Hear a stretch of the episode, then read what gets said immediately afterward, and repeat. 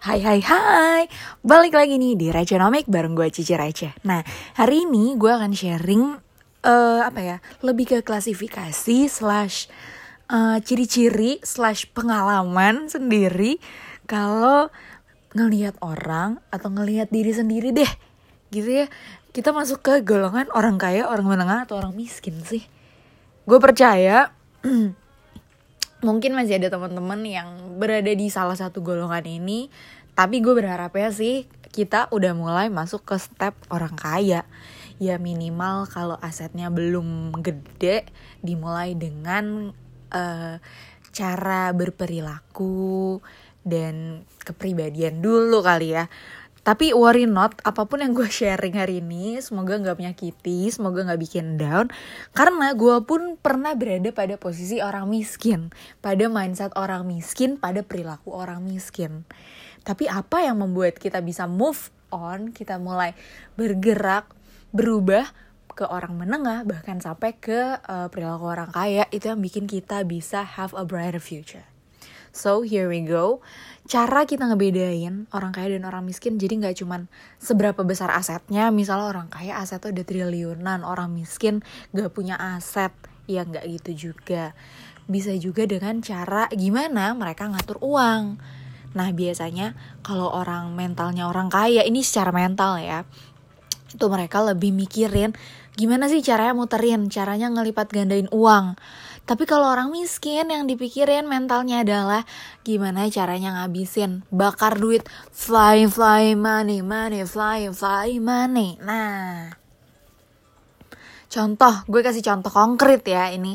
Kalau misalnya ada tiga orang nih, A, B, dan C, punya duit sama, semuanya dapat rezeki nomplok tiba-tiba ditelepon sama PT tertentu atau dari TV atau dari radio.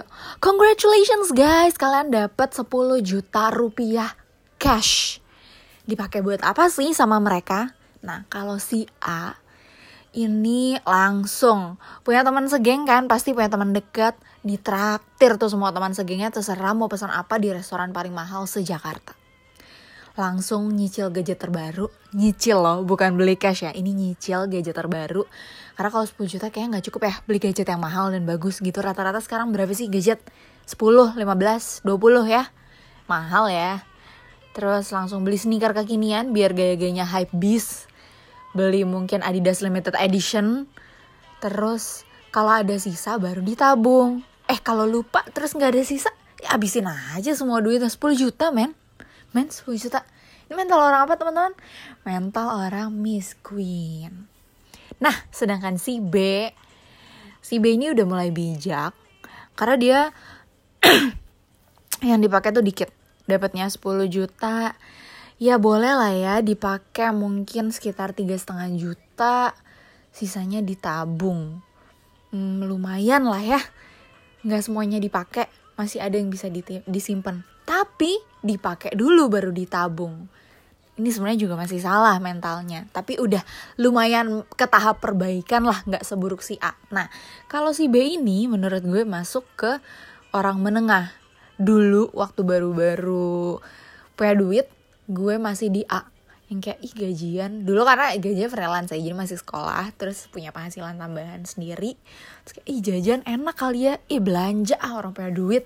Ke H&M lah beli baju happy happy buat diri sendiri boleh dong. Awal bulan masih ngetrit ngetrit akhir bulan udah pusing ya udah gak ada duit. Terus mulai lagi waktu mulai kerja kantor dapat gaji bulanan tetap gitu mulai kayak si B harus nabung nih Jan harus banget nabung. Kalau nggak lo mau nikah pakai apa? Kalau nggak lo mau beli rumah pakai apa? Oke nabung. Tapi kan lo punya kebutuhan Jan oke. Jadi gue dulu waktu berapa tahun yang lalu ya itu mulai dapat uang rutin tiap bulan tuh. Oh bukan zaman kerja tapi zaman gue baru-baru kuliah. Kebetulan kuliah gue beasiswa terus dapat uang saku. Nah uang saku itu gue pakai dulu jajan kalau ada sisa lima ratus ribu kayak berapa kayak baru gue tabung. Itu mental yang salah juga. Dan pada akhirnya kita move on ke si A. Di mana ketika eh si C di mana ketika dia dapat 10 juta langsung ditabung. Ini sih amazing banget ya. Gue belum sampai tahap semuanya bisa ditabung karena ya masih butuh expense juga anyway. Tapi it's a good thing karena ini bukan duit gaji bulanan yang rutin tapi ini adalah uang tambahan atau rezeki nomplok. Jadi emang bukan dalam perhitungan expense bulanan lu dong ini istilahnya kayak lu dapat bonus tambahan. Nah si C ini langsung ditabung ada yang buat dana darurat ada sedikit yang dipakai mungkin buat ya kebutuhan apa misalnya dapat rezeki bagi-bagi lah sama orang tua kan. Kita harus berbakti men karena rezeki itu datangnya dari orang tua jujur. Kalau nggak ada orang tua lo nggak bisa ngapa-ngapain. Terus ada juga yang diinvestasiin. Kenapa? Karena kalau ditabung doang jujur duitnya nggak berlipat ganda teman-teman. Duitnya ditaruh di tabungan. Lo pikir deh lo nabung bunganya berapa persen sih tabungan? Satu persen. Paling setahun loh. Adminnya berapa sebulan? 13 ribu, 15 ribu, 18 ribu. Lo hitung aja nutup nggak sama bunga sama admin? Belum. Bunga itu dipotong pajak bunga 20% jadi kalau lo nggak lipat gandain adanya uang lo berkurang teman-teman. Nah di sini juga yang perlu disadarin. Jangan cuma sisihin uang untuk ditabung tapi sisihin uang untuk dilipat gandakan. Saat ini puji Tuhannya gue udah mencapai tahap si mental orang kayak walaupun memang secara aset aku nih masih remah rempeyek gitu loh. Masih belum apa-apa tapi at least belajar ini yang kenapa gue selalu ingetin ke teman-teman untuk mencoba berusaha belajar punya mentalnya dulu. Asetnya belakangan deh kalau lu udah punya mental, lu udah punya habit, udah punya kebiasaan yang ditumpuk terus menerus, lama-lama aset lo tumbuh, aset lo tumbuh makin kaya makin kaya, dan akhirnya secara mental maupun secara aset lu udah pada tahap orang kaya. Kenapa? Karena kalau lu mulai dari asetnya dulu di aset orang kaya, tapi lo punya mental orang miskin, lu des semua. Percaya, Re. Dulu gue pernah dapet uh, uang lumayan, ya lumayan lah bisa dikatakan ya dari sebuah pekerjaan yang ya. You know kayak tabung tabung tabung lama-lama kerjaannya pas cair lumayan nih banyak gitu cair. Terus wah foya foya berasa punya duit men. Begitu foya foya kok nggak berasa re? Duit gue hilang ke mana ini? Kok tau tau udah habis loh. Nah ini yang dihindari teman-teman. Jangan sampai. Walaupun punya duit banyak di foya foya mentalnya belum siap habis duitnya ludes Nah, kalau yang C ini jadi at least meskipun gaji ya, meskipun gajinya mungkin standar ya, gaji fresh grad, terus gaji junior, terus secara nabung juga mungkin ya segitu dulu deh gitu.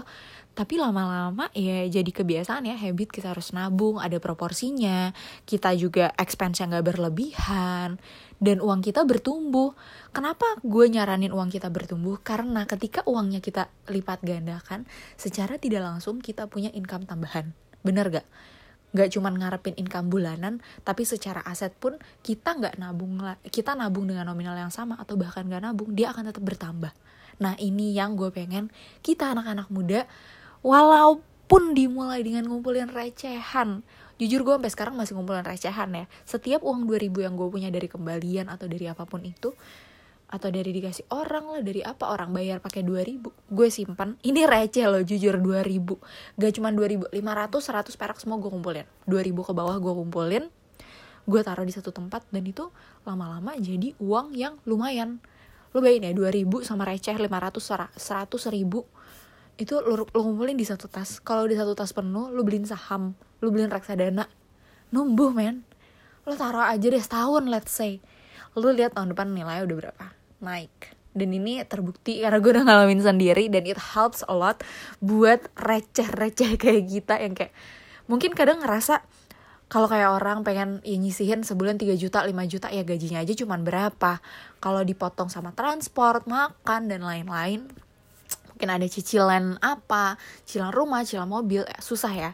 Tapi kalau dengan ngumpulin receh kayak gitu mungkin lebih terasa ringan dan tetap terasa efeknya walaupun tidak sebesar kalau uh, nabungnya langsung jutaan. Tapi it helps a lot karena dari nabung receh lama-lama bisa mulai nyisihin uh, tabung nyisihin dana dari gaji misalnya gajinya 6 juta udah bisa nyisihin 500 ribu atau sejuta sebulan ini lumayan banget loh teman-teman I hope uh, podcast ini ngebantu teman-teman buat mikir, buat planning ke depannya, buat memulai habit yang baru, buat bisa nabung dan mindset yang baru sebagai mental orang kaya.